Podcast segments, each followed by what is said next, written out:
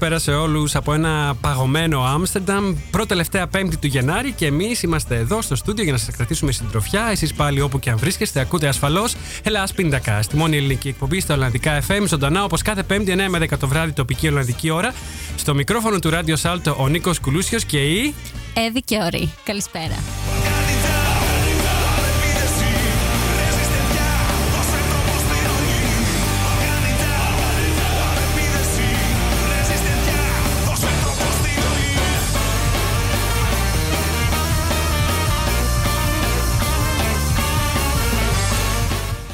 Εκπέμπουμε ζωντανά από το δημοτικό σταθμό του Άμστερνταμ. Υπάρχουν τρεις τρόποι για να μας ακούσετε live.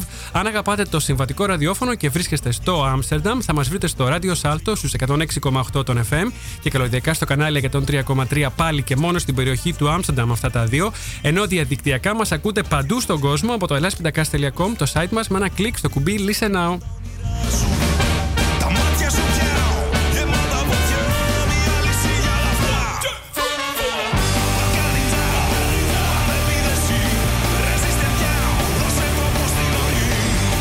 Απόψε το Ελλάς Πίνακας ερευνά ένα μεγάλο θέμα. Ναρκοκουλτούρα στην Ολλανδία. Τι ισχύει, τι είναι παράνομο, τι είναι νόμιμο και σε τι κάνουν οι αρχές τα στραβά μάτια. Για πολλούς ξένους, η Ολλανδία είναι συνηθισμένη με την ναρκοκουλτούρα που μοιάζει να ανθεί εδώ σε βαθμό ανάλογο με τις τουλίπες. Για τους πολύ σκληροπυρηνικούς, τα ναρκωτικά είναι το σήμα κρατεθέν αυτής της χώρας. Πόσο αληθινή όμως είναι η εικόνα αυτή, πόσο έχει αγκαλιάσει η Ολλανδική κοινωνία τη χρήση των ουσιών, πόσο διαδεδομένη είναι πραγματικά η χρήση ουσιών στους ντόπιους και ποια είναι τα αποτελέσματα της πολιτικής της ανοχής. Αυτά τα θέματα θα αγγίξουμε απόψε όσο μας παίρνει ο χρόνος της μιας ώρας. Μείνετε συντονισμένοι.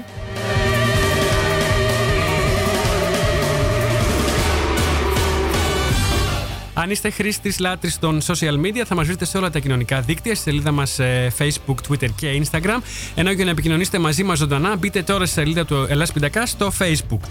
Ή γράψτε μας μέσω Twitter χρησιμοποιώντας το hashtag Ελλάς και hashtag Drug Culture.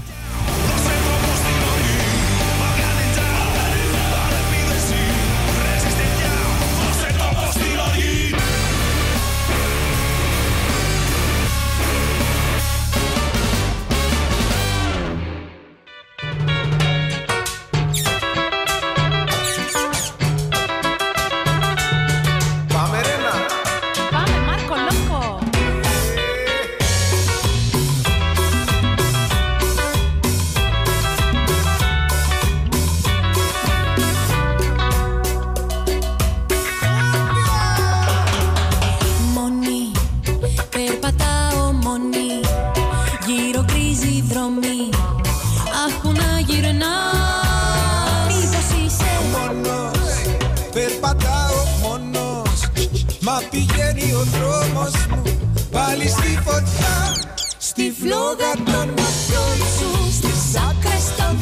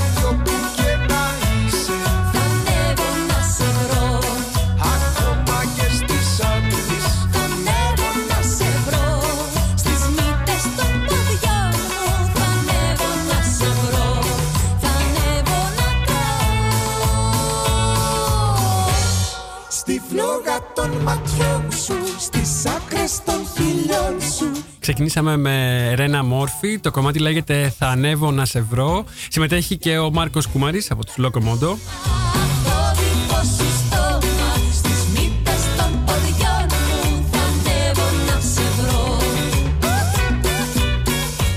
οφείλω να πω σε αυτό το σημείο ότι τα περισσότερα, νομίζω το 80% των κομματιών που θα ακούσουμε σήμερα, που θα παίξουμε σήμερα, τα διάλεξε η Εύη.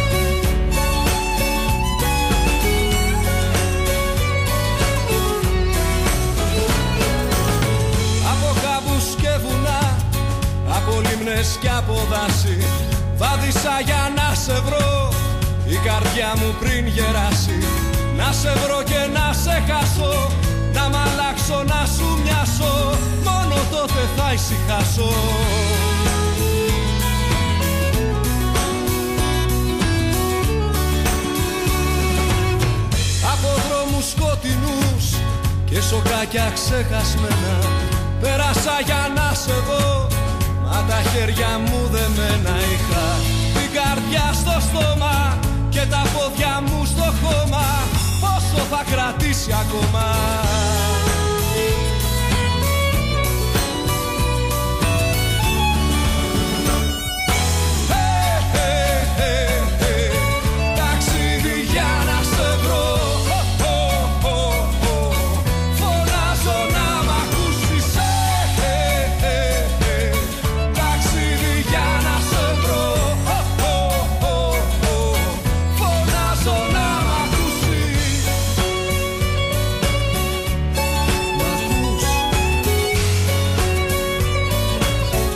Στείλουμε χαιρετίσματα καταρχήν στον Καναδά. Hi from Amsterdam. Hello to all our Facebook. Um, hello to all our friends over at agapigreekradio.com, the web radio from Toronto. And hi to all our Facebook friends too from all over the world. Την καλησπέρα μου στη Ρεμπέκα Μάρτιν, στη Λεοντίνη, στον Τάκη Λαμπρακάκη, στη Γιώτα Μπαρόν, στο Βασίλη από τη Χάγη.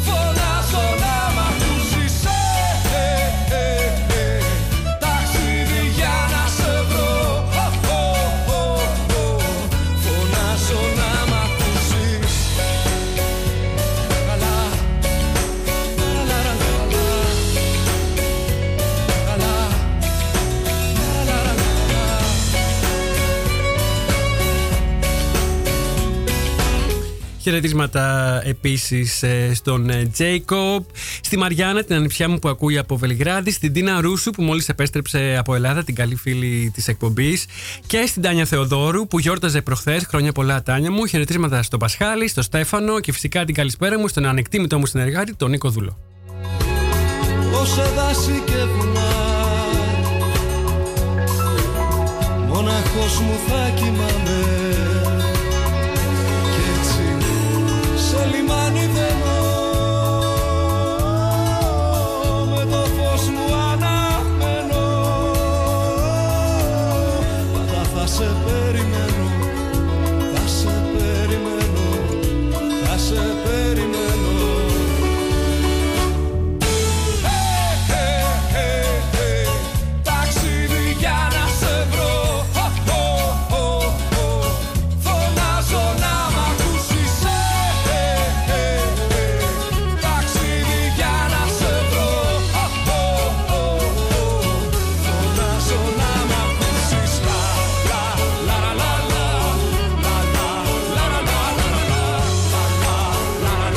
χαιρετίσματα και στην ε, Μισελ Ρούβεν που είδα ότι μόλις. Ε, α!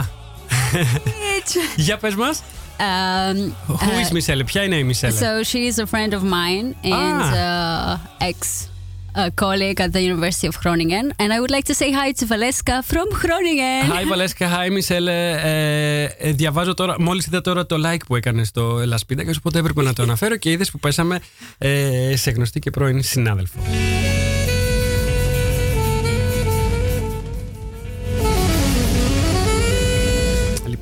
Λοιπόν, και μέσα στο 2020-2020, το συμμαχικό διαδικτυακό ραδιόφωνο από τον Καναδά που ήδη ανέφερα, το Αγάπη Greek Radio θα αναμεταδίδει το Ελασπίδακα μέσω διαδικτύου σε όλο τον πλανήτη. Για όσους είστε στην Ολλανδία ή σε κάποια χώρα που έχει την ίδια ώρα με την Ολλανδία, μας ακούτε από το αγάπη σε ηχογραφημένη πάντα αναμετάδοση κάθε μέρα στη μία το μεσημέρι. Όσοι δηλαδή χάνετε το ζωντανό Ελλάς Πίτακας κάθε πέμπτη βράδυ μπορείτε να ακούτε την αναμετάδοση και από το agapigreekradio.com κάθε μέρα στη μία το μεσημέρι. Βέβαια, on demand, όλες τις παλιότερες εκπομπές μας μπορείτε να τις ακούτε και μέσα από το site μας ellaspindakas.com στην ενότητα εκπομπές ή απλά μέσα από το κανάλι μας στο SoundCloud, SoundCloud κάθετος Ελλάς Από το SoundCloud τώρα μπορείτε και να κατεβάζετε όποια εκπομπή θέλετε για να την έχετε στο αρχείο σας. Μπείτε δηλαδή στο SoundCloud του Ελλάς βρείτε την εκπομπή που θέλετε, κάντε κλικ στο κουμπί More και μετά στο download. Πώς τα ξένα περπατούσα, τι όμορφες παρατηρούσα Πώς τα ξένα περπατούσα, τι όμορφες παρατηρούσα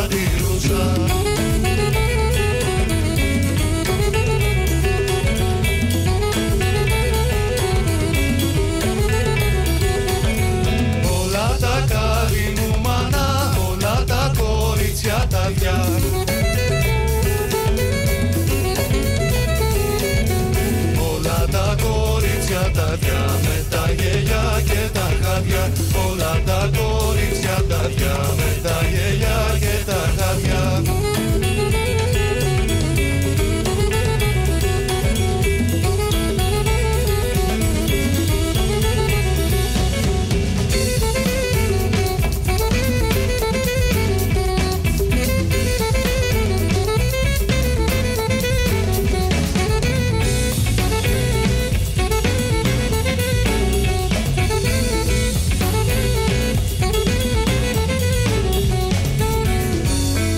Λοιπόν, δεν έχουμε πολύ χρόνο, ιδίως για ένα τόσο μεγάλο και περίπλοκο θέμα και σύνθετο. Ε, απόψε, το Ελλάς Πίνακας θα σας παρουσιάζει μια μίνι έρευνα που κάναμε εγώ και η Εύη σχετικά με το μεγάλο θέμα των ναρκωτικών και της κουλτούρας που έχει αναπτυχθεί γύρω από αυτά ιδιαίτερα σε μια χώρα με το παρελθόν και το DNA της Ολλανδίας το θέμα είναι μεγάλο και αγγίζει πολλές πτυχές της κοινωνίας, της οικονομίας αλλά και της νοοτροπίας μιας χώρας και των πολιτών της το θέμα είναι μεγάλο γιατί σε αυτήν εδώ τη χώρα που ζούμε οι αντιφάσεις και οι εξαιρέσεις είναι ο κανόνας σε αντίθεση με ό,τι συμβαίνει στις περισσότερες, αν όχι όλες, υπόλοιπες ευρωπαϊκές χώρες. Για άλλους είναι φωτεινό παράδειγμα, για άλλους είναι ανάθεμα και κατάντια η πολιτική αυτή, η χαλαρή πολιτική της Ολλανδίας στα ναρκωτικά. Όπως και να το πάρει κανείς, η Ολλανδική πολιτική περί ναρκωτικών ξεχωρίζει ε, δια της παρουσίας της, γιατί τολμά να δει το φαινόμενο μέσα από ένα διαφορετικό πρίσμα. Σπάει, θα λέγαμε, το καλούπι της αυστηρής απαγόρευσης και του πολέμου κατά των ουσιών που ισχύει σχεδόν παντού στον υπόλοιπο κόσμο και χαράζει ένα άλλο δρόμο, ένα δρόμο που στο διάο του ε, αφήνει μεν κενά, κάποιες γκρίζες ζώνες ε, και μεγάλα περιθώρια για λάθος εντυπώσεις και παρεξηγήσεις ε, όμως έχει και κάποια θετικά, δεν μπορούμε να μην το αναφέρουμε και αυτό.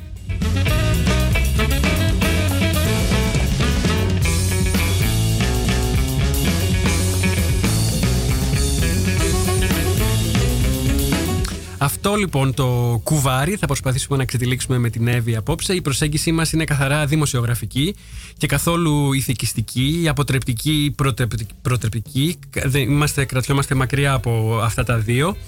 Ε, δεν είμαστε εδώ για να, πάρουμε, για να πούμε σε υπεύθυνους και ενήλικες πολίτες πώς πρέπει να ζουν τη ζωή τους και τι πρέπει να αποφεύγουν. Ούτε φυσικά είμαστε εδώ για να εξοραίζουμε ή να προμοτάρουμε μια δεδομένη κατάσταση περί ναρκωτικών ουσιών.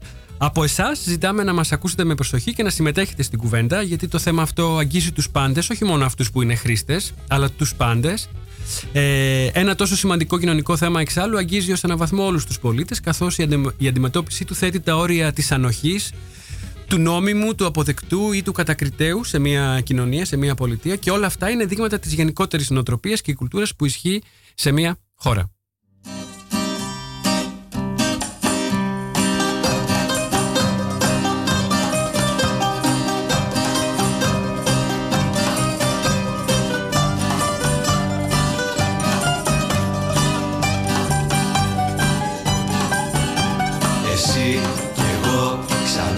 Πίναμε μπύλες εσύ και εγώ. Κάτω απ' τις βουκαμβίλιες εσύ και εγώ Που τόσο σ' αγαπούσα. Μου πες χωρίζουμε γιατί σε απατούσα Κι εγώ μετά σου πήρα λουλουδάκια. Κι εγώ μετά σου λέγα τραγουδάκια. Και σε ψήσα και μου πες όλα οκ. Τα ξαναβρήκαμε και είμαστε ωραίοι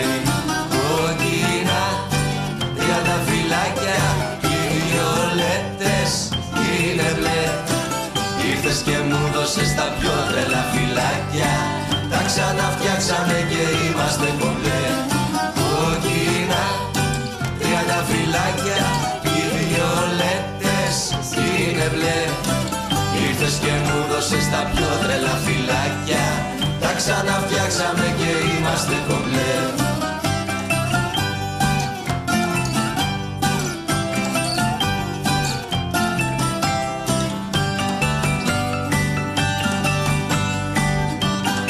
Και έτσι για να κλείνουμε σιγά σιγά με την εισαγωγή, ενώ ακούμε Χατζηφραγκέτα και το πιο πρόσφατο κομμάτι του, το Τα ξαναφτιάξαμε. Ε, έλεγα λοιπόν ότι απόψε θα βάλουμε στο μικροσκόπιο, θα λέγαμε, ε, καταρχήν το νομικό πλαίσιο, ε, αλλά και το αξιακό σύστημα, θα λέγαμε, των Ολλανδών. Ε, και θα μ, εξετάσουμε λίγο την Ολλανδική νοοτροπία και την κουλτούρα στο θέμα των ναρκωτικών, των ναρκωτικών ουσιών και της αντιμετώπισης των χρηστών εδώ, σε αυτή τη χώρα, μαζί με την Εύη. Σκολπάκια κι εγώ μετά γάμω το κερατό μου Σου πάω και εσύ θα σε το μωρό μου Τι να κάνουμε, Χατζηφραγκέτα είναι αυτή ε, Εύη. Ακριβώς. θα, το, θα τους θρησκάρουμε, ακόμα και αν λένε τα χειρότερα. Έχουν κάνει. πει και χειρότερα από αυτό. Εννοείται. Από ένα γαμότο. τύπε. Γι' αυτό επέλεξα και αυτό το τραγούδι, γιατί είχε μόνο αυτό. ναι, υπάρχει και ένα άλλο κομμάτι που επέλεξα να μην το βάλουμε. Δεν μου το έστειλε φυσικά, αλλά και εγώ το ήξερα, απλά δεν το βάλουμε. Το οποίο μιλάει ακριβώς για το θέμα που σχολιάζουμε, αλλά από μία έτσι άποψη λίγο μ, χιουμοριστική που δεν ταιριάζει. Και είπαμε Καλά. να, να το αποφύγουμε. Ναι. Λοιπόν, η εισαγωγή έγινε. Τώρα δεν ξέρω, Εύη, ε, αν θα ήθελες εσύ να προσθέσεις κάτι ως εισαγωγή ή αν είσαι έτοιμη να πάρεις από μένα τη σκητάλη και να ξεκινήσεις λέγοντάς μας καταρχήν ε, ποιο είναι το κίνητρό σου για να συμπεριλάβεις αυτό το συγκεκριμένο θέμα στη λίστα με τα θέματα που πρότεινες ε, για την εκπομπή; Ε, λοιπόν, αρχικά το κίνητρο είναι ότι μ, δεν ξέρω, ε, όλοι όσοι έρχονται από εξωτερικό ή μ, και οι φίλοι μου στην Στηρίζεις, στηρίζεις Αθήνα, σε εμπειρίες, έτσι, Ναι, σε ναι, πράγματα ναι, που έχεις σε- ακούσει σε από πράγματα γνωστούς, που- από φίλους, Ναι, ναι, ναι. κυρίως από Έλληνες; κυρίως, ή γενικά ξένους, Ναι, ξένους. αλλά κυρίως από Έλληνες, Ναι. από ανθρώπους που ζουν στην Ελλάδα τώρα. Ξένους εννοούμε μη Ολλανδούς, έτσι. Αυτό, εννοείται. εννοείται. Κάποιους που δεν ε, ξέρουν την Ολλανδική Ναι. κουλτούρα όσον Ναι. αφορά τα ναρκωτικά. Ε, λοιπόν, πήρα την αφορμή να, να ψάξω για αυτό το θέμα. Όταν ε, είχα μια πρόσφατη συζήτηση και, μ, με φίλους από την Ελλάδα και μου είπαν ότι α, εκεί στην Ολλανδία εντάξει τι κάνετε όλη μέρα καπνίζετε ναρκωτικά μπορείς να το κάνεις πολύ εύκολα το οποίο εντάξει δεν είναι, δεν είναι και λάθος αλλά ε, δεν ε, αντικατοπτρίζεις και την αλήθεια γιατί δεν είναι αυτό που συμβαίνει Έπρεπε να τους ρωτήσεις ποιοι ακριβώς. Γιατί Ποιοι; ο κόσμος έχει μια τάση να γενικεύει. Οι Ολλανδοί, εσείς, Ε, όσοι μένετε εκεί. ζούμε Ναι. εδώ στο Άμστερνταμ, που είναι και η πόλη των αμαρτιών. Το Sin City. Δηλαδή, μπορείς να κάνεις τα πάντα, οπουδήποτε, οποτεδήποτε. Ενώ οι Το άλλες οποίο- πόλεις ενώ οι άλλες πόλεις δεν, δεν είναι Ναι, καλά. γιατί στην καλά. Αθήνα δεν μπορείς, Στην Αθήνα αλλά- δεν μπορείς. Εκεί στο κέντρο, γύρω από την Ναι, Ομόνια, ναι, δεν ναι. είναι Sin City, είναι. Απλά είναι λίγο ο Angel μύθος City. πιο διαδεδομένος ότι α, πας στο Άμστερνταμ και κάνεις ζωή και ξεφάντωμα, αλκοόλ, ναρκωτικά, σκληρά ναρκωτικά. Ναι, ναι, και δεν ναι, σου λέει ναι. και κανένας τίποτα. Ε, και λέω, Α, δεν είναι έτσι ακριβώς. Πρέπει λίγο να το πιάσουμε. να Ήθελες βάλουμε δηλαδή- τα πράγματα στη θέση Στη τους. θέση τους, έτσι, έτσι, έτσι, έτσι, έτσι. Αυτό ήταν κάπως το κίνητρό σου. Ναι. Λοιπόν, να στείλουμε χαιρετίσματα και στη φίλη την Τίνα, η οποία μας ακούει και κάνει έτσι αστεία σχόλια στο Facebook. Ε, δεν θα τα διαβάσω ακόμα, νομίζω δεν θα τα διαβάσω και καθόλου. Γιατί έτσι λίγο μας πειράζει. Ε, μ, λοιπόν, τι έχεις ετοιμάσει, όπως είπα πριν, ε, κυρίως θα κινηθείς στο τι ισχύει από νομικής πλευράς Ναι, ακριβώς. και μετά φυσικά θα κάνεις ε, το βασικό σου σχόλιο που έχει να κάνει με το πώς τελικά είναι μύθος ε, αυτό που πιστεύουν πολλοί για τους ντόπιους εδώ στην Ολλανδία και για τη χρήση. Ναι, Στόχος Ή όχι. είναι να καταρρύψουμε λίγο αυτό το, αυτή την πεποίθηση ότι στην Ολλανδία τα, τα ναρκωτικά είναι και νόμος Ναι. Που Ε, δεν νομίζω ότι και είναι. τα προσφέρουν έτσι. Ας Έτσι, πούμε, στο... περ- περπατάς στον δρόμο και σου λέει, «Πάρε και Σου πέντε». δίνουν, ναι, ναι, και σου, δίνουν, σου βάζουν στη τσέπη ένα. Ναι, δεν, ε, δεν είναι ακριβώς έτσι. Ή, ή πηγαίνεις στο κλαμπ, ας πούμε, και στα ρίχνουν στο ποτό αυτά που λέγαν κάποτε. ναι, ναι, στην οι Ελλάδα. μαμάδες μας. Να είναι- προσέχεις τι πίνεις. Καθόλου Δεν έτσι. είναι έτσι. Ε, Τέλος πάντων, η Ολλανδία έχει ε, μια κουλτούρα που είναι συνυφασμένη με τα ναρκωτικά. Ναι. Καθώς η, νονι- η, συγγνώμη. Ναι. Η νομιμοποίηση της κάναβης έγινε το 1976 αλλά αυτό έγινε για να υπάρχει κάποιος έλεγχος στο τι καταναλώνεται αφού καταναλώνονταν ούτως ή άλλως τα ναρκωτικά τότε. Ε, μ, και να υπάρχει έτσι και ένας έλεγχος στο τι διανέμεται στην αγορά ποιος μπορεί να το καταναλώσει, γιατί να το καταναλώσει και όλα αυτά. Δηλαδή ο νόμος, η νομιμοποίηση έγινε περισσότερο για λόγους ασφάλειας. Ναι, και για να μ, ε, υπάρχει ένας έλεγχος ε, Ακριβώς. Στην, ε, στην αγορά, στην αγορά ε, και να διακίνηση υπάρχει και, στην πώληση. μια ασφάλεια στο ότι αυτό που καταναλώνεται ε, δεν σημαίνει απαραίτητα και θάνατος, ξέρεις. Ναι, κυρίως ήθελα να απομακρύνουν όσο γίνεται, από όσο καταλαβαίνω εγώ, μπορώ να καταλάβω, ε, ήθελα να απομακρύνουν ε, το εμπόριο Από τους δρόμους. της κάναβης και, και από μ, τα συνδικάτα του εγκλήματος. Ναι, ναι, ναι. Ναι. Δηλαδή αν πάρεις... Δηλαδή, αν είναι λίγο πιο διαφανείς οι, δια, οι διαδικασίες, παρόλο που είναι λίγο γκρίζες, όταν είναι λίγο πιο διαφανείς οι διαδικασίες, ε, είναι πιο δύσκολο για, το, για τις εγκληματικές συμμορίες, ας πούμε, να, να, να, ε, να κυριαρχήσουν στο χώρο αυτό. Ναι, να έχουν το Γιατί μονοπόλιο Πέφτει, και- πέφτει φως και η κυβέρνηση έχει κάποιον έλεγχο, οπότε είναι τα πράγματα λίγο πιο συμμαζεμένα, θα λέγαμε. Έτσι. Και έτσι ξεκίνησε και η νομοποίηση ε, των ελαφριών ναρκωτικών που είναι κάναβης. Α, νομιμοποίηση των πιο σκληρών ναρκωτικών δεν υπάρχει όπως ε, LSD, κοκαίνη και όλα αυτά. Αυτά είναι παράνομα. ναι. ε, τα μανιτάρια, ε, πού συγκαταλέγονται, στα μαλακά; Τα Προφανώς. μανιτάρια είναι μια άλλη ιστορία. Είναι μια άλλη ιστορία. Είναι μια άλλη ιστορία μόνη τους γιατί ε, το 2008 λοιπόν, Ναι. το Νοέμβριο, ε, η κυβέρνηση αποφασίζει την ε, απαγόρευση της χρήσης των μαγικών μανιταριών και Ναι. περισσότερα από 100 είδη μπαίνουν ε, αυτόματα στην ε, μαύρη λίστα. Ναι, ναι, ναι. Ε, Παρ' όλα αυτά, αν έχεις παρατηρήσει και αν έχεις περπατήσει στο Άμστερνταμ που έχεις, είμαι Ναι, σίγουρη, ναι. τα smart shop τα βλέπεις ότι έχουν κόσμο. Smart shop, να πούμε και για αυτούς που δεν γνωρίζουν, είναι όλα τα καταστήματα που μπορείς να βρεις μανιτάρι. Ναι. Και head shops τα λένε επίσης και μπορείς να βρεις όχι μόνο μανιτάρια, μπορείς να βρεις και μ, εναλλακτικά, Εναλλακτικά ναρκωτικά φ- και ιδίως που έχουν να κάνουν έτσι λίγο με, ψυχε, Φύση. με ψυχεδέλεια Ναι. και με τέτοιου είδους ε, θεωρίες και πρακτικές. Τώρα, ε, δύο πολύ σημαντικά θέλω να ε, σχολιάσω σε αυτό που είπες. Καταρχήν, κομβικό σημείο πιστεύω της χαλαρής ας πούμε Ολλανδικής πολιτικής στο θέμα των ναρκωτικών είναι ο διαχωρισμός σε σκληρά και μαλακά. Ναρκωτικά. Αυτά που λένε στα αγγλικά Class A and Class B και, και τα Ακριβώς, λοιπά. Είναι, ακριβώς. είναι κομβικό σημείο. Ε, και πάνω στο διαχωρισμό βασίζεται και η πολιτική που αναπτύχθηκε ε, έπειτα. Τώρα, όσο για τα μαγικά μανιτάρια ε, που ανέφερες, σωστά τα, τα ανέφερες. Μισό λεπτάκι να ακούμε και κάτι από πίσω. Ε, μ, τι ήθελα να πω τώρα εδώ, είδες, έχασα και τον ρυθμό μου. Για τα μαγικά Α, ναι. μανιτάρι. Ναι. Ε, έχεις κάτι άλλο να πεις για τα ελαφρά και τα ναρκωτικά και τα μ, σκληρά ή να μιλήσουμε για τα μανιτάρια; Ε, για τα σκληρά ναρκωτικά. Να πω ότι η διανομή απαγορεύεται εννοείται. Ναι. Η χρήση απαγορεύεται. ναι, ναι, ναι. Ε, το εμπόριο ναι, αλλά, αλλά ενώ το εμπόριο απαγορεύεται, Τα ελαφριά ναρκωτικά έχουν ε, επιπτώσεις στην υγεία; Πιστεύεις; ε, κοίταξε, σύμφωνα τι, με, τι βρήκες; σύμφωνα με την Δεν είναι- επίσημη δεν είναι ιστοσελίδα τόσο βλαβερά. της Ναι. κυβέρνησης δεν έχουν επιπτώσεις για την υγεία. Ναι. Αυτό, αυτό αναφέρεται στην επίσημη ιστοσελίδα της κυβέρνησης. σχέση με τα σκληρά. Σε σχέση με τα σκληρα Γι' αυτό το λόγο και είπανε ότι εντάξει, τα νομιμοποιούμε αυτά. Ναι. Η, σκ- η χρήση των σκληρών τώρα ναρκωτικών ε, απαγορεύεται από τον νόμο. Ε, ρητά. Ρητά. Okay.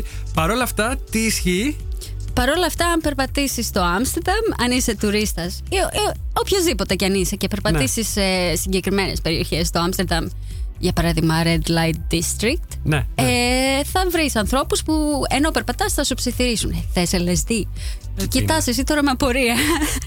Έτσι είναι. Έτσι είναι. Ε, αν θα μπορούσα να προσθέσω εγώ κάτι σε αυτό που λες είναι ότι ο διαχωρισμός που λέγαμε μαλακών και σκληρών ε, κάπου φαίνεται να κολλάει καπου δηλαδή μπερδεύεται το, το πράγμα και εδώ θα αναφέρω δύο παραδειγματα Ε, λίγο μετά θα μιλήσουμε για τα μανιτάρια και τι ακριβώς συνέβη εκεί. Απλά ήθελα να μιλήσω και για το χόρτο. Υπάρχουν νέες ποικιλίες χόρτου με αυξημένο THC, ναι. που είναι η τετραϊδροκαναβιόλη, αν, Ναι, ναι, αν ναι. θυμάμαι καλά. Είναι η ουσία που στην ουσία ε, σε κάνει να νιώθεις ε, high. Ε, είναι τόσο αυξημένο το THC λοιπόν η ουσία αυτή που είναι τόσο δυνατά τα, μ, ε, οι ποικιλίες αυτές είναι τόσο δυνατές με αποτέλεσμα να χρειάζεται να βγουν από την κατηγορία των μαλακών και να μεταφερθούν στην κατηγορία των σκληρών. Ε, μ, γι' αυτό ο διαχωρισμός μαλακών σκληρών δεν είναι στεγανοποιημένος, Ναι, δεν ναι, είναι ναι. κάτι στάνταρ γιατί ναρκωτικά βλέπουμε ότι περνάνε ουσίες τέλος πάντων περνάνε από το ένα στο άλλο, από τη Ναι, μία ναι, κα- ναι. κατηγορία στην άλλη. Ε, αυτά αφορούν το χόρτο. Απόψε δεν θα μπούμε πολύ στα εκεί χωράφια του χόρτου. Απλά το αναφέρω ως εξέλιξη της εποχής ε, στο θέμα σκληρά και μαλακά. ως μια άλλη διάσταση. Τώρα για τα μανιτάρια που έλεγες, Ναι. ε, μπορεί να πολλούνται ακόμα στο εμπόριο, αλλά δεν είναι τα μανιτάρια που ξέραμε 10 χρόνια και 20 χρόνια πριν. Ε, αυτά που πολλούνται στο εμπόριο αυτή τη στιγμή δεν διατίθεται σε αποξηραμένη μορ- μορφή, όπως κάποτε Α.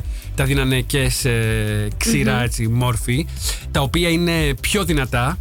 Έχει να κάνει κάτι με την επεξεργασία της, απο, της αποξήρανσης. Τα κάνει πιο δυνατά.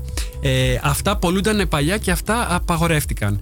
Ο νόμος έγινε πιο αυστηρός και απαγορεύει την πώληση αποξηραμένων μανιταριών αλλά και την πώληση φρέσκων μανιταριών με ολόκληρο το κοτσάνι και το κεφάλι. Α, αυτά είναι μάλιστα. που απαγορεύονται. Δηλαδή απαγορεύονται τα, απο, τα αποξηραμένα και τα μανιτάρια όπως τα ξέρουμε με Ναι, το ναι. κοτσάνι και το κεφάλι, όπως οι αμανίτες τα λέγαμε. ε, τώρα βέβαια υπάρχει ένα παραθυράκι στο νόμο, όπως Ω. συμβαίνει σε αυτήν εδώ την Ω. ε, χώρα, ε, μ, το οποίο λέει ότι μ, ένας ε, έμπορος μπορεί να πουλήσει τις φύτρες. Α, μάλιστα. Δηλαδή το μέρος του μανιταριού που φύεται κάτω από την επιφάνεια της, της γης. Α, μάλιστα. Μμμ. Αυτό δηλαδή, λοιπόν. Τώρα αυτό σε, σε, σε τι μορφή αποξηραμένη ή μπορεί κάποιος να το πάρει και να το όχι, φυτέψει; αυτό είναι χλώρο. Όχι, όχι, όχι. όχι. Αυτό δεν γίνεται έτσι. Ε, να το φυτέψει δεν γίνεται γιατί δεν είναι σπόρος. το μανιτάρι μάλιστα. ούτως ή άλλως είναι, είναι, μύκη, είναι, Ναι, είναι μύκητας. μύκητας. Ε, αυτό είναι σε χλωρή μορφή. Δηλαδή είναι μάλακο. Ναι, ναι, ναι. Απλά είναι, είναι σαν μια ρίζα στην ουσία. Είναι σαν Α, μια μάλιστα. φύτρα, είναι σαν μια ρίζα. Οπότε αυτό είναι εντάξει. Και αυτό δεν το βλέπει ο ήλιος. Το βλέπει, είναι, είναι, φύεται μόνο κάτω από την εμφάνεια της γης. Ε, τώρα, εγώ θα λέγα ότι αυτό είναι και ένα σημάδι που δείχνει το πώς οι Ολλανδοί δεν μπαίνουν κολλημένοι σε μια πολιτική που αρχικά υιο- Καλά. υιοθέτησαν. Την αναθεωρούν συνεχώς την πολιτική αυτή, ιδίως για τα ναρκωτικά. Την προσαρμόζουν στις ανάγκες και τις απαιτήσεις κάθε συγκυρίας. Δοκίμασαν λοιπόν τα μανιτάρια ολόκληρα, σε κάθε μόρφη, φρέσκα, αποξηραμένα και μετά από μία δεκαετία και δύο ίσως είδαν ότι είναι πολύ δυνατά ε, ότι είδαν ότι είχαν πολλά ατυχήματα, ο κόσμος έπεφτε σε κανάλια, οι τουρίστες ειδικά και έτσι τροποποίησαν τον νόμο κάνοντας χώρο και για όσους θέλουν ακόμα να τα αγοράζουν αλλά και για όσους διαμαρτυρήθηκαν και ζήτησαν ένα πιο αυστηρό πλαίσιο. Και θα λέγαμε ότι είναι μέρος της Ολλανδικής νοοτροπίας αυτό, ένας νόμος, μια πολιτική ιδίως τόσο σημαντική για την κοινωνια ε, να μην μένει ποτέ χωρίς rev- review, να μην τρέχει αναλύωτη στο χρόνο, πάντα να επανεκτιμάται, να επαναπροσδιορίζεται για να καλύψει και όποιες καινούριε Μα έτσι ανάγκες. ακριβώς πρέπει να, να λειτουργεί το σύστημα. Έτσι πρέπει να λειτουργεί το σύστημα και σε αυτό είναι, είναι καλή η Ολλανδοί. Οφείλουμε να τους το αναγνωρίσουμε. Ναι. Πάμε να ακούσουμε τώρα Νικόλα Άσιμο, δωμάτιο στο Άμστερνταμ. Έτσι, Έτσι, να σχετικό πούμε στο κάπως. κλίμα. Να πούμε λίγο στο κλίμα. Δωμάτιο, δωμάτιο στο Άμστερνταμ Χάσεις και μια, χάσεις και μια γυναίκα. Βρούσου ζήσουν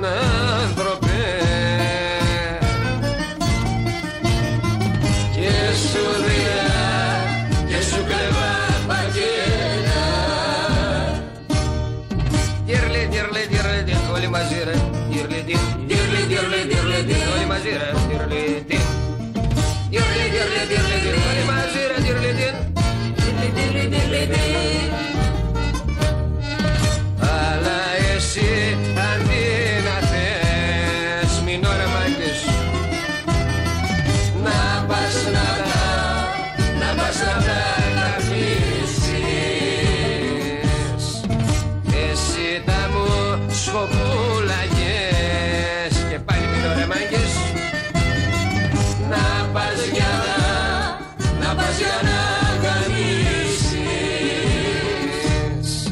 Τυρλί, τυρλί, τυρλί, όλοι μαζί ρε. Τυρλί, τυρλί, τυρλί, τυρλί, όλοι μαζί ρε. Όλοι μαζί ρε.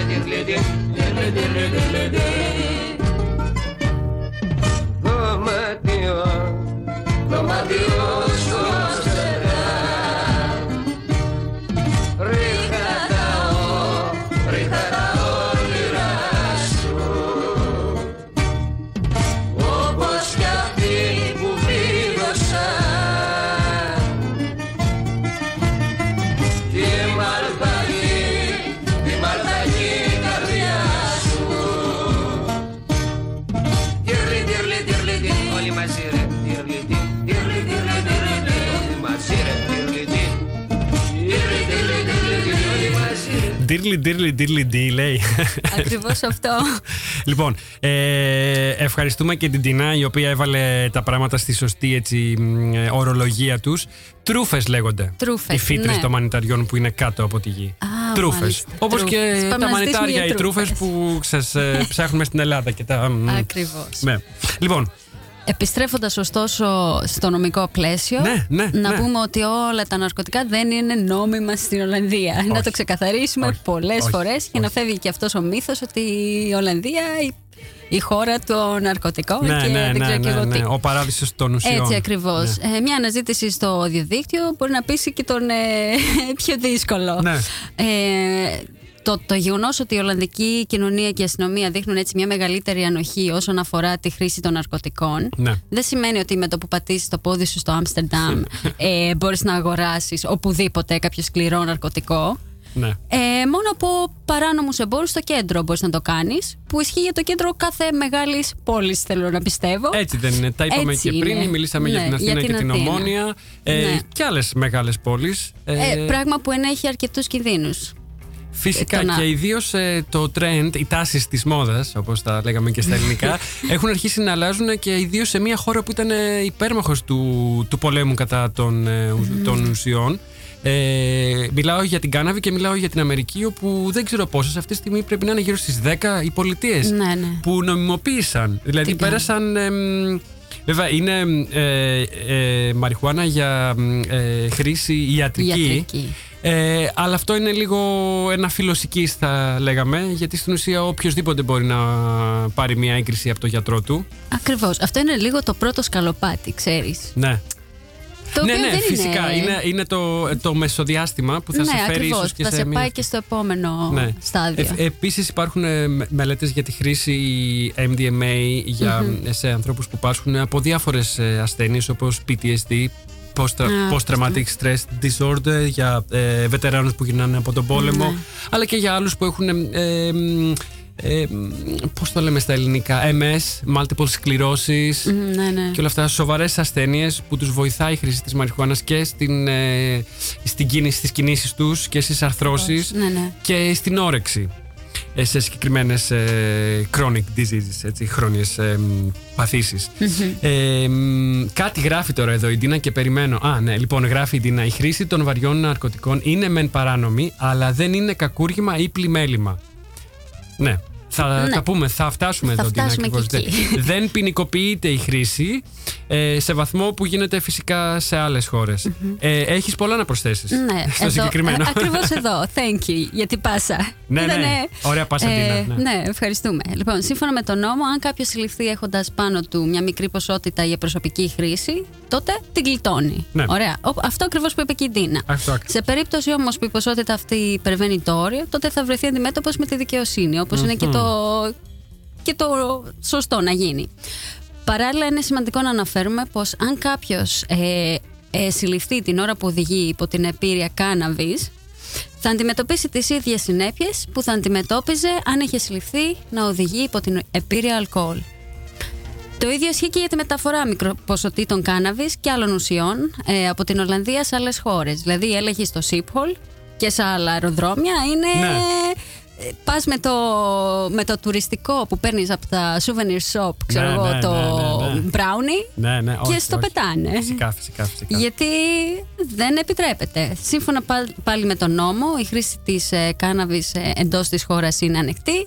Ωστόσο, οι αρχές δείχνουν έτσι μια μηδενική ανοχή αν κάποιος προσπαθήσει να κάνει κάποια μεταφορά οπουδήποτε αλλού. Και είναι Έτσι. και μ, ε, φυσικό αυτό. Το- ε, ναι, Νομίζω. λογικό. Ε, άρα, θα λέγαμε ότι το νομικό πλαίσιο αφήνει περιθώρια ε, για τη χρήση. Ε, απλά εξετάζει αν κάτι είναι για προσωπική χρήση ή αν είναι προς πώληση. Δηλαδή το θέμα τους, και νομίζω σωστά το κοίταν έτσι, είναι η ποσότητα. Ε, και όσοι ζουν εδώ γνωρίζουν ότι ακόμα και μ, αν βρουν επάνω σου ξέρω εγώ, ένα γραμμάριο Ναι. ή ένα χάπι, ε, δεν πρόκειται, δεν πρόκειται Δεν θα να κάνουν συμβεί κάτι. κάτι. Ε, το, μεγαλε, το μεγαλεμπόριο είναι αυτό που κυνηγάνε. Αυτό Ακριβώς. είναι αυτό που τους ενδιαφέρει. Και γενικά δηλαδή στο Ολλανδικό σύστημα η χρήση ε, θα λέγαμε είναι πάντα πρώτα θέμα υγείας. Έτσι. Ε, η ποινική πτυχή αρχίζει να παίζει ρόλο μόνο στο εμπόριο και στην παραγωγή. Ε, αυτό υποστήριξε και ο Φλόρ Φαν Μπέκουμ που είναι επικεφαλής του τομέα πρόληψης στο Jelinek Addiction Care. Είναι μια κλινική εδώ στο Άμστερνταμ που χρηματοδοτείται από το Εθνικό Σύστημα Υγείας. Ε, και γενικά η νοοτροπία είναι ότι το γεγονός ότι οι άνθρωποι χρησιμοποιούν ναρκωτικά σε αυτήν εδώ τη χώρα, Ναι. στην Ολλανδία, εκλαμβάνεται ως ένα ατυχές δεδομένο. Δηλαδή είναι μια ατυχία, είναι και μια πάθηση φυσικά, αλλά είναι και μια ατυχία. Ε, η προσέγγιση του από την πτυχή της υγείας έχει μ, κάνει τη ζωή των, των τοξικομανών πολύ καλύτερη συγκριτικά με ό,τι συνέβαινε 40, 40 χρόνια πριν. Μιλάμε για την ηρωίνη φυσικά Ναι, τώρα, ναι. που ήταν το πρώτο μεγάλο θέμα, παγκόσμιο θέμα ε, περί ναρκωτικών.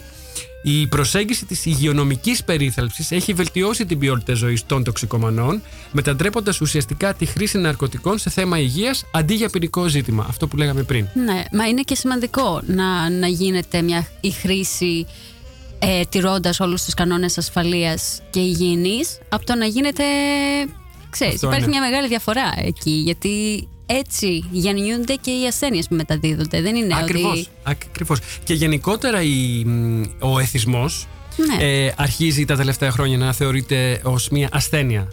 Ναι, δηλαδή μα- δεν είναι ένα σύμπτωμα ή κάτι ας πούμε ένα χαρακτηριστικό για να κατακρίνεις Ναι, ναι, κάποιον. ναι. Είναι μια πάθηση, είναι μια ασθένεια ναι, μα- και πρέπει έτσι να ε, αντιμετωπίζεται. Μμμ.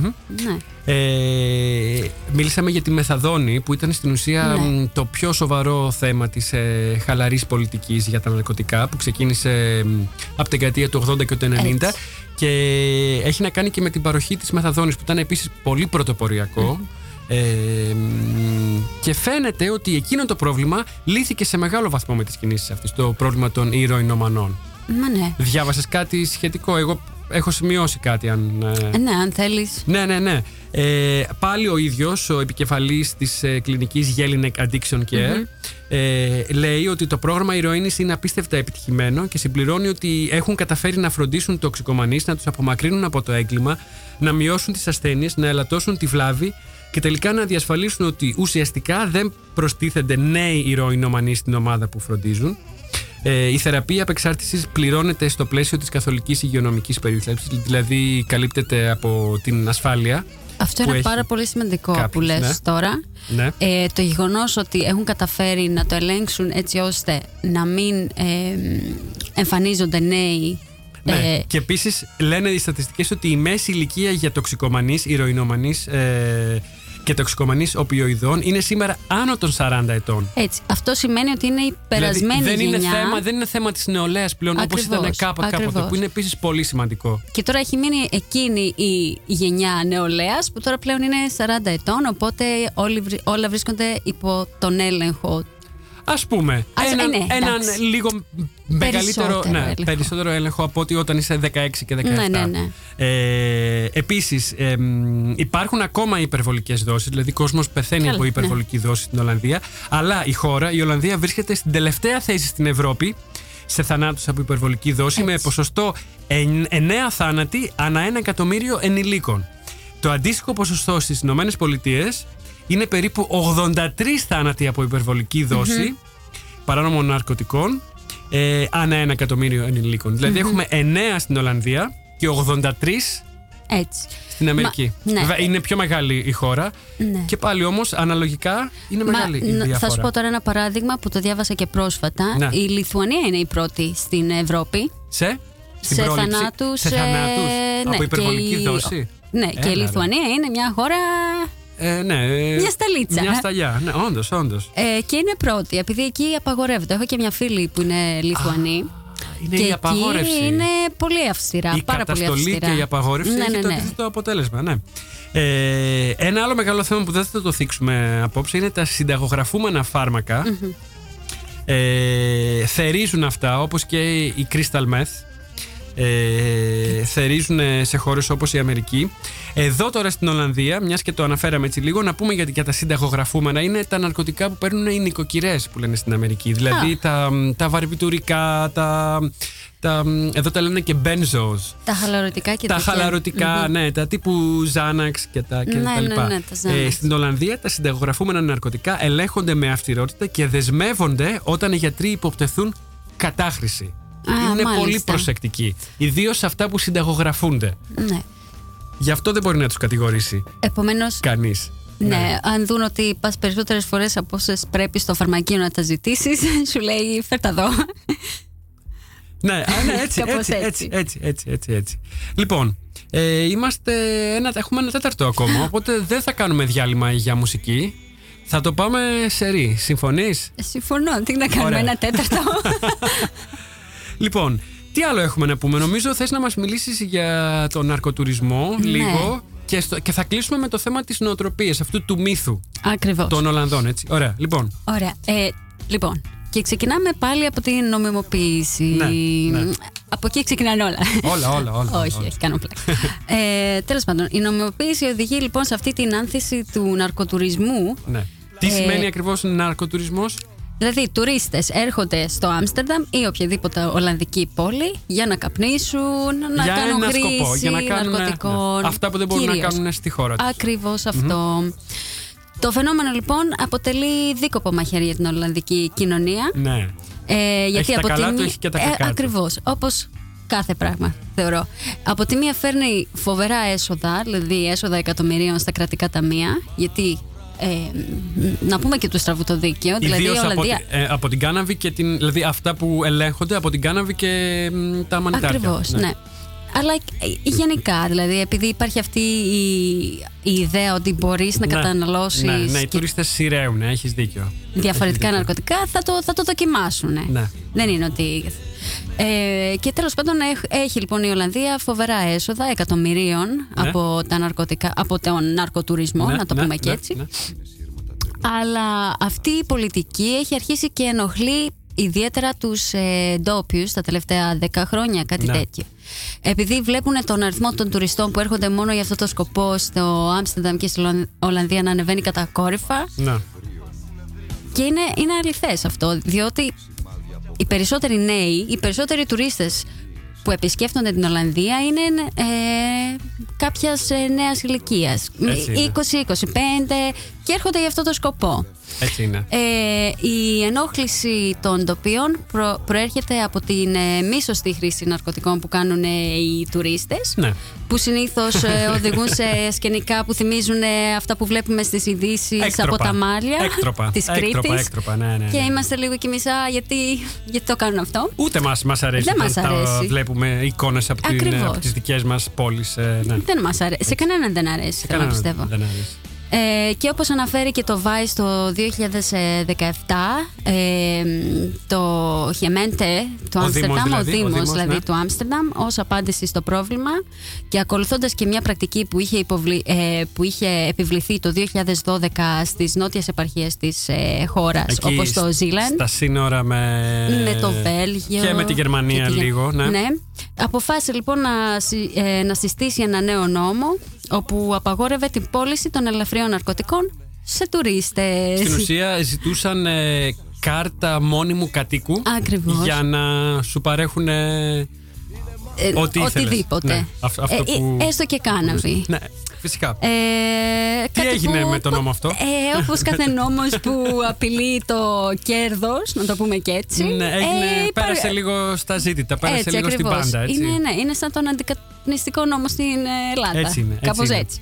Ε, Και επειδή τα coffee shops είδαν την πελατεία τους να μειώνεται, αποφάσισαν να μην τον ακολουθήσουν ιδιαίτερα αυτό τον νόμο. Έτσι είναι. Ε, είναι και άλλες ενέργειες που, που προσπαθούν να κάνουν εδώ οι δήμοι, οι μεγάλοι δήμοι κυρίως ε, της Ολλανδίας, ε, άσχετα αν το πετυχαίνουν ή όχι, ε, για να αντιμετωπίσουν ε, τις νέες καταστάσεις. Α πούμε, μ, ε, ε, στο Άμστερνταμ έχουν μπει κάμερες σε όλα τα κεντρικά σημεία της πόλης και η κατάσταση με τους dealers που περιέγραψες στην αρχή, στην εισαγωγή, ε, με τους dealers του δρόμου που σου φωνάζουν Ναι, θέλεις ναι, το ναι. ένα και θέλεις το άλλο, έχει βελτιωθεί πάρα πολύ σε σχέση με ας πούμε 10 χρόνια πριν. Ναι, ναι. Θα σου πω εγώ που ήταν σε κάθε γωνία και ήταν σχεδόν δεν μπορούσες να τους αποφύγεις. Τώρα υπάρχουν, Ναι. με, πλε- μεν, αλλά μ, είναι πιο ελεγχόμενα και οι κάμερες είναι παντού και γενικά η διακίνηση δεν μπορεί να γίνει όπως, γινό- όσο άνετα γινόταν πριν. Ε, τώρα, στην πολιτική για τα coffee shops που είπες, γίνονται και εκεί προσπάθειες να μπει έτσι μια τάξη. Μπαίνουν καινούργια κριτήρια όπως η απόσταση από σχολεία. Ναι. Θα, πρέπει να, είναι- θα πρέπει να είναι συγκεκριμένη και να τηρείται ε, αυστηρά. Ε, μ, Πόσα coffee shop πρέπει να είναι στην ίδια περιοχή και τέτοια; Ναι. Ε, η απόσταση από σχολεία και το άλλο τι ήταν. Α, ναι, και η απαγόρευση σε τουρίστες που το ανέφερες και εσύ, το Ναι. οποίο δεν πήγε. Ε, το οποίο δεν, δεν είχε επιτυχία. ναι. Αρκετά coffee shops επίσης έχουν κλείσει. ναι. Έχουν κλείσει σε σχέση με, τα, με όλα όσα είχαμε 10 χρόνια πριν. Ναι. Ε, μ, αυτό που προσπαθούν να αποφύγουν, αυτό καταλαβαίνω εγώ και το ανέφερες και εσύ ε, στην προηγούμενη, στο προηγούμενο σου σχόλιο, είναι τα έκτροπα. Και Ακριβώς. κυρίως ε, οι θάνατοι, δηλαδή μ, η υγεία ε, των τουριστών. Αυτά είναι τα Ναι, πιο ναι. σημαντικά θέματα που προ- προσπαθούν να αντιμετωπίσουν. Ε, γι' αυτό και πλέον ενημερώνουν ε, τους τουρίστες με τεράστιες οθόνες, όπως αυτές είναι οι οθόνες της ρύθμισης της κυκλοφορίας Ναι, που ναι. βλέπουμε στους ε, εθνικούς δρόμους. Σε τε- με τέτοιες οθόνες, στο κέντρο της πόλης, με το που θα βγει κάποιος από το Central Station, νομίζω ένα χρόνο πριν είχε, Ναι. ε, είχα δει την, ε, την πρώτη από αυτές τις οθόνες, οι οποίες οθόνες... ε, μ, ενημερώνουν ε, ε, τους τουρίστες για την αγορά ουσιών από πλανόδιους, από τους ε, dealers Ναι. του, του δρόμου, γιατί υπάρχουν συγκεκριμένες παρα- παρτίδες κοκαίνης ας πούμε, Ναι, όπως ναι. ήταν τότε, οι οποίες είναι όχι μόνο βλα, βλαβερές για την υγεία, είναι και μοιραίες. Ναι, ναι. Μα είναι. Οι παρτίδες αυτές είναι δηλαδή μ, ε, ε, βρώμικα τα Ναι, ναρκωτικά αυτά, ναι, ναι. αναμειγμένα με ποιος ξέρει τι Ναι. και πέθανε κόσμος και γι' αυτό α, αναγκάζονται να λάβουν μέτρα. Πλέον ναι, λίγο να, υ- να Οι- υπάρχει ένας μεγαλύτερος έλεγχος, οι φαντάζομαι. αρχές. Ναι. Ε, τώρα, τα έκτροπα με τους τουρίστες και το θέμα της υγείας τους αγγίζει άμεσα και τον τουρισμό. Φυσικά, Ναι, ο- όπως εννοείται. είπες και εσύ. Ε, και την ε, αγορά, δηλαδή Έτσι. την τουριστική αγορά των Ολλανδικών πόλεων. Είναι δηλαδή και θέμα οικονομικό σε μεγάλο βαθμό, αλλά και θέμα εικόνας της Ολλανδίας και θέμα μ, του τι είδους τουρίστες θέλουν να προσελκύσουν Ακριβώς. με την εικόνα που Ακριβώς, προβάλλουν ακριβώς. παρά έξω. Συμ- Συμφωνείς; Συμφωνώ απόλυτα. Είναι πολύ σημαντικό το να έχεις ε, τουρίστες, ε, να, να στοχεύεις σε ένα συγκεκριμένο target group ε, τουριστών Ναι. και να υποδέχεσαι τους οικοσάριδες που θέλουν απλά να καπνίσουν όλη μέρα ή να, κάνουν, να καταναλώσουν ναρκωτικά. Δηλαδή, Έτσι. ε, κάπου χάνεις πόντους. Έτσι. Έτσι είναι. Έτσι. Ε, Τώρα, να φτάσουμε και στο μύθο, στην νοοτροπία. Ναι. Και στο Ναι, τι ναι, ναι. συμβαίνει με τους ντόπιους εδώ. Ακριβώς. Λοιπόν, και κάπως έτσι καταλήγουμε στη, ε, στην κατάρριψη του μύθου ότι η πλη- πλειοψηφία των ε, ντόπιων ή των κατοίκων του Άμστερνταμ ε, και της Ολλανδίας γενικότερα, να μην ε, λέμε μόνο για το Άμστερνταμ. Του δίνουν και καταλαβαίνει. Του δίνουν και καταλαβαίνει. Είναι όλοι οι χρήστες. Ναι, ναι. Ε, ναι, δεν είναι έτσι τα πράγματα. Δεν είναι έτσι. Καθόλου έτσι, γιατί σύμφωνα με έρευνα που δημοσίευσε το Dutch ε, News.nl Ναι. Το ε, site. Το site, ειδησιογραφικό η site, ειδησιογραφική ιστοσελίδα Ναι. αυτή. Μόνο το 16% του Ολλανδικού πληθυσμού κάτω των ε, 28 ετών έχει κάνει χρήση ναρκωτικών ουσιών. Είναι μικρό το ποσοστό. Πολύ μικρό Θα το λέγαμε, ποσοστό. Για μια χώρα το, που. Για τον τόρο που ακολουθεί. Για τον τόρο, αλλά και για μια χώρα που ε, υπάρχει η δυνατότητα να προμηθευτείς και να κάνεις χρήση χωρίς να σε κυνηγήσει η, α- η αστυνομία. Ναι, ναι. Είναι μι- μικρό το ποσοστό και ιδίως για κάτω των 28 που είναι νέοι. Είναι, και οι είναι- νέοι θέλουν είναι- να ναι, δοκιμάσουν. Να έχουν, ε, Από την εμπειρία μου, ε, να, να σου πω ότι πολλοί μου έχουν πει ότι Α, εγώ αυτά τα δοκίμασα όταν ήμουν ας πούμε 13 χρονών. Με ναι. 13 χρονών. Και μετά με το που έγινε, με το που ενηλικιώθηκε και έγινε 16 ή 18, ας πούμε. Είχε περάσει το Τα στάδιο. ξεπέρασε. Ναι. Είχε περάσει αυτό το στάδιο. Ναι. Μα αυτό είναι Ε, και το σημαντικό με τους Ολλανδούς. Δηλαδή, οποιονδήποτε Ολλανδό Είναι το, συζητάω το μαζί πλεονέκτημα του, αυτό. Μας λένε, μου λένε Της ανοιχτής συγκεκριμένα. και χαλαρής Ναι, πολιτικής. ότι επειδή μπορείς να τα βρεις, δεν σημαίνει ότι θα το κάνεις κιόλας. Επειδή μπορείς να τα βρεις. Ναι. Ή, ε, ή λες, ακριβώς «Α, σημαίνει ότι θα το δοκιμάσεις και επειδή Ναι. δεν, δεν είναι κάτι που είναι απαγο, απαγορευμένο και σου, προ, Έτσι, που και σου σε- σε προκαλεί. έτσι, ιντριγκάρει πάρα σε πολύ ιντριγκάρει. να- Το δοκιμάζεις, το απενεχοποιείς, Ναι, σου λέει, Α, αυτό το ήταν. ξορκίζεις στην ουσία Ναι. και συνεχίζεις χωρίς να έχεις θέματα εθισμού. Ναι, ακριβώς. Τώρα, διάβασα και εγώ ένα, ε, μία έρευνα του Vice και έχω και κάποια δικά μου στοιχεία. Σύμφωνα λοιπόν με μια άλλη έρευνα από τη δική σου, για το 2016 είναι τα στοιχεία αυτά που θα αναφέρω εγώ. Μάλιστα. Ε, υπήρχαν καταγεγραμμένοι 2,5 εκατομμύρια Ολλανδοί καπνιστές κάναβης στη χώρα Ναι. αυτή. Δεν ξέρουμε αν ήταν ντόπιοι, αν ήταν Ε, ε, είναι, ε, εντάξει, expats, μπορεί να αλλά είναι είναι, τέλος ναι. πάντων ε, εδώ, ε, με πολίτες αυτής της χώρας. Ε, ε, ε, 260.000 χρήστες MDMA και χαπιών έκστασης. Δηλαδή, μη- ε, όχι μισό εκατομμύριο, ένα τέταρτο. Ένα τε... Το Ναι, 200.000. εκατομμύριο, Ναι. Ε, 260.000 ε, και 170.000 καταναλωτές κοκαίνης. Αυτά το 2016. Ε, μ, δεν είναι τεράστια τα νούμερα. Ε, Όχι. η Ολλανδία όλη, όλη έχει δεκα- γύρω στα 18 εκατομμύρια ναι. κατοίκους. Δεν είναι φυσικά και μικρά. Δεν μπορεί να πει κανείς ότι εξαλείφθηκε Όχι, όχι, όχι. το φαινόμενο. Όχι. Το στόχος δεν είναι να εξαλείψουμε το φαινόμενο. Στόχος είναι λίγο να καταρρύψουμε αυτό το μύθο Ναι. του όλοι οι Ολλανδοί, όλοι όσοι μένουν στην Ολλανδία, ναι, ναι, ναι. καταναλώνουν ναρκωτικά. Κοίταξε, αυτό έχει να κάνει και με κάτι άλλο. Έχει να κάνει και με την ε, νοοτροπία των Ολλανδών, ε, οι οποίοι δεν αγκαλιάζουν μεν τη χρήση των ουσιών. Ε, μ, για να ακούμε και κάτι πίσω. Αγκαλιάζουν όμως ε, μ, αυτό που έχουν αγκαλιάσει και αυτό που αγκαλιάζουν και το κρατούν σφιχτά έτσι στον κόρφο τους και το εφαρμόζουν και σε πολλά άλλα θέματα είναι η άποψη ότι ακόμα και αν δεν συμφωνούν με τη χρήση δεν θα μπουν στη διαδικασία να το απαγορεύσουν και για τους άλλους που βρίσκονται στην, Ναι. απέναντι, στην απέναντι όχθη και επικροτούν ή κάνουν οι ίδιοι χρήση. Δηλαδή είναι αυτό που λέμε η ανοχή. Μπορεί εμένα Ναι. να μην μου κάνει σ- σαν τρόπος ζω, ζωής, αλλά δεν θα μπω στη διαδικασία να το απαγορεύσω για κάποιον που το έχει επιλέξει. Ακριβώς. Ιδίως αν αυτός ο κάποιος είναι ενήλικας, Ναι, ναι. ε, γνωρίζει τι, τι, τι κάνει, συνειδητά το κάνει. είναι δεν συνειδητή επιλογή. Ναι. Ναι. δεν θα σου επιβάλλω εγώ το δικό μου ε, νόμο και τη δική μου νοοτροπία επειδή εσύ πιστεύεις κάτι άλλο. Και αυτό νομίζω είναι και το χαρακτηριστικό που πηγαίνει μπροστά μια κοινωνία. Έτσι είναι. Έτσι, έτσι πιστεύω εγώ. Ναι, ναι, συμφωνώ. Η, βέβαια, η φήμη της Ολλανδίας για ανοχή και ανεκτικότητα ήταν πάντα περισσότερο προϊόν της συμβίωσης τόσο πολλών ανθρώπων σε ένα τόσο μικρό χώρο. Yeah. Ε, Ναι. Και δεν έχει να κάνει τόσο με την ενεργή υποστήριξη των, ε, Όχι της ιδιαίτερα. χρήσης των δικαιωμάτων συγκεκριμένων ε, ατόμων. Είναι αυτή η νοοτροπία που λένε εδώ οι Ολλανδοί ότι κοίτα τη δουλειά σου και θα κοιτάω κι εγώ τη, δι- τη δική ναι, μου. Ναι, ναι. Αυτό είναι.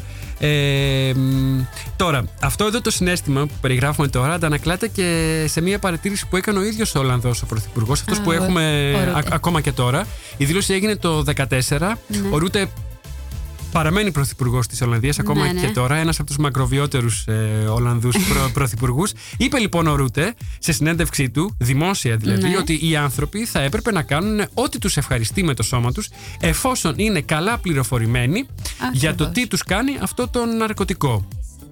Και έχουμε δύο παραδείγματα εδώ της ε, ανοχής και της ε, έτσι, ανοιχτής αυτής άποψης. Δεν είναι μόνο ο Ολλανδός Πρωθυπουργός που την ενστερνίζεται, την ανοχή. Ε, υπάρχουν, ε, υπάρχει ένα τηλεοπτικό σοου, το Spouten and Slicken, ε, που πρόκειται για μια εκπαιδευτική θα λέγαμε εκπομπή που εστιάζει σε θέματα όπως το σεξ, τα ναρκωτικά και, και για τη rock μουσική. Αλλά υπάρχει και μια σειρά από βίντεο στο YouTube με γενικό τίτλο Drugs Lab όπου με τη σφραγίδα και την άδεια του κράτους και του YouTube φυσικά βλέπεις στην αρχή τα disclaimers Α, ωραία. ε, μια ομάδα νέων δοκιμάζει κάθε φορά και ένα διαφορετικό ναρ- ναρκωτικό μπρο- μπροστά στην κάμερα και βλέπουμε στο φακό την επίδραση που έχει το ναρκωτικό αυτό σε αυτόν που το κατανάλωσε. Γίνεται συζήτηση την ώρα που ο άλλος νιώθει το Ναι, ναι, effect ναι.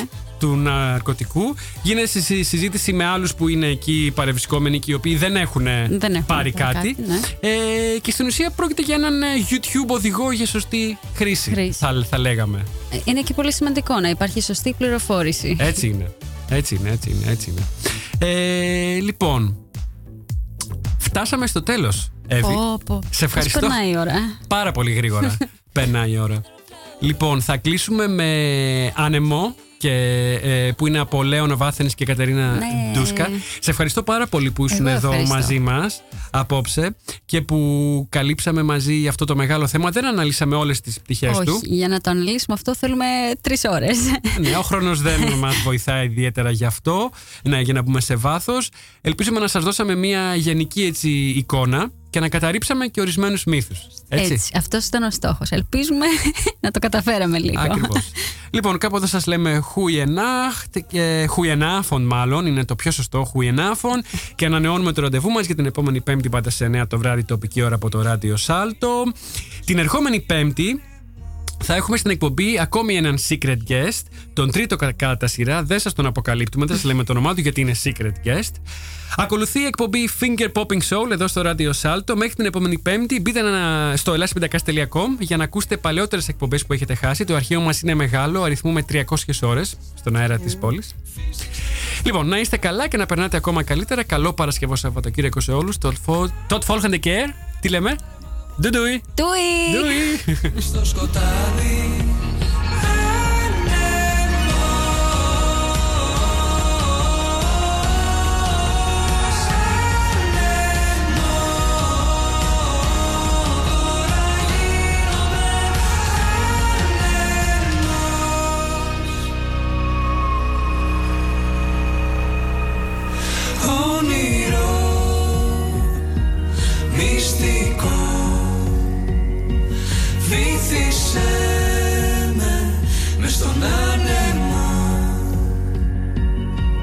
Θέλω να τρέξω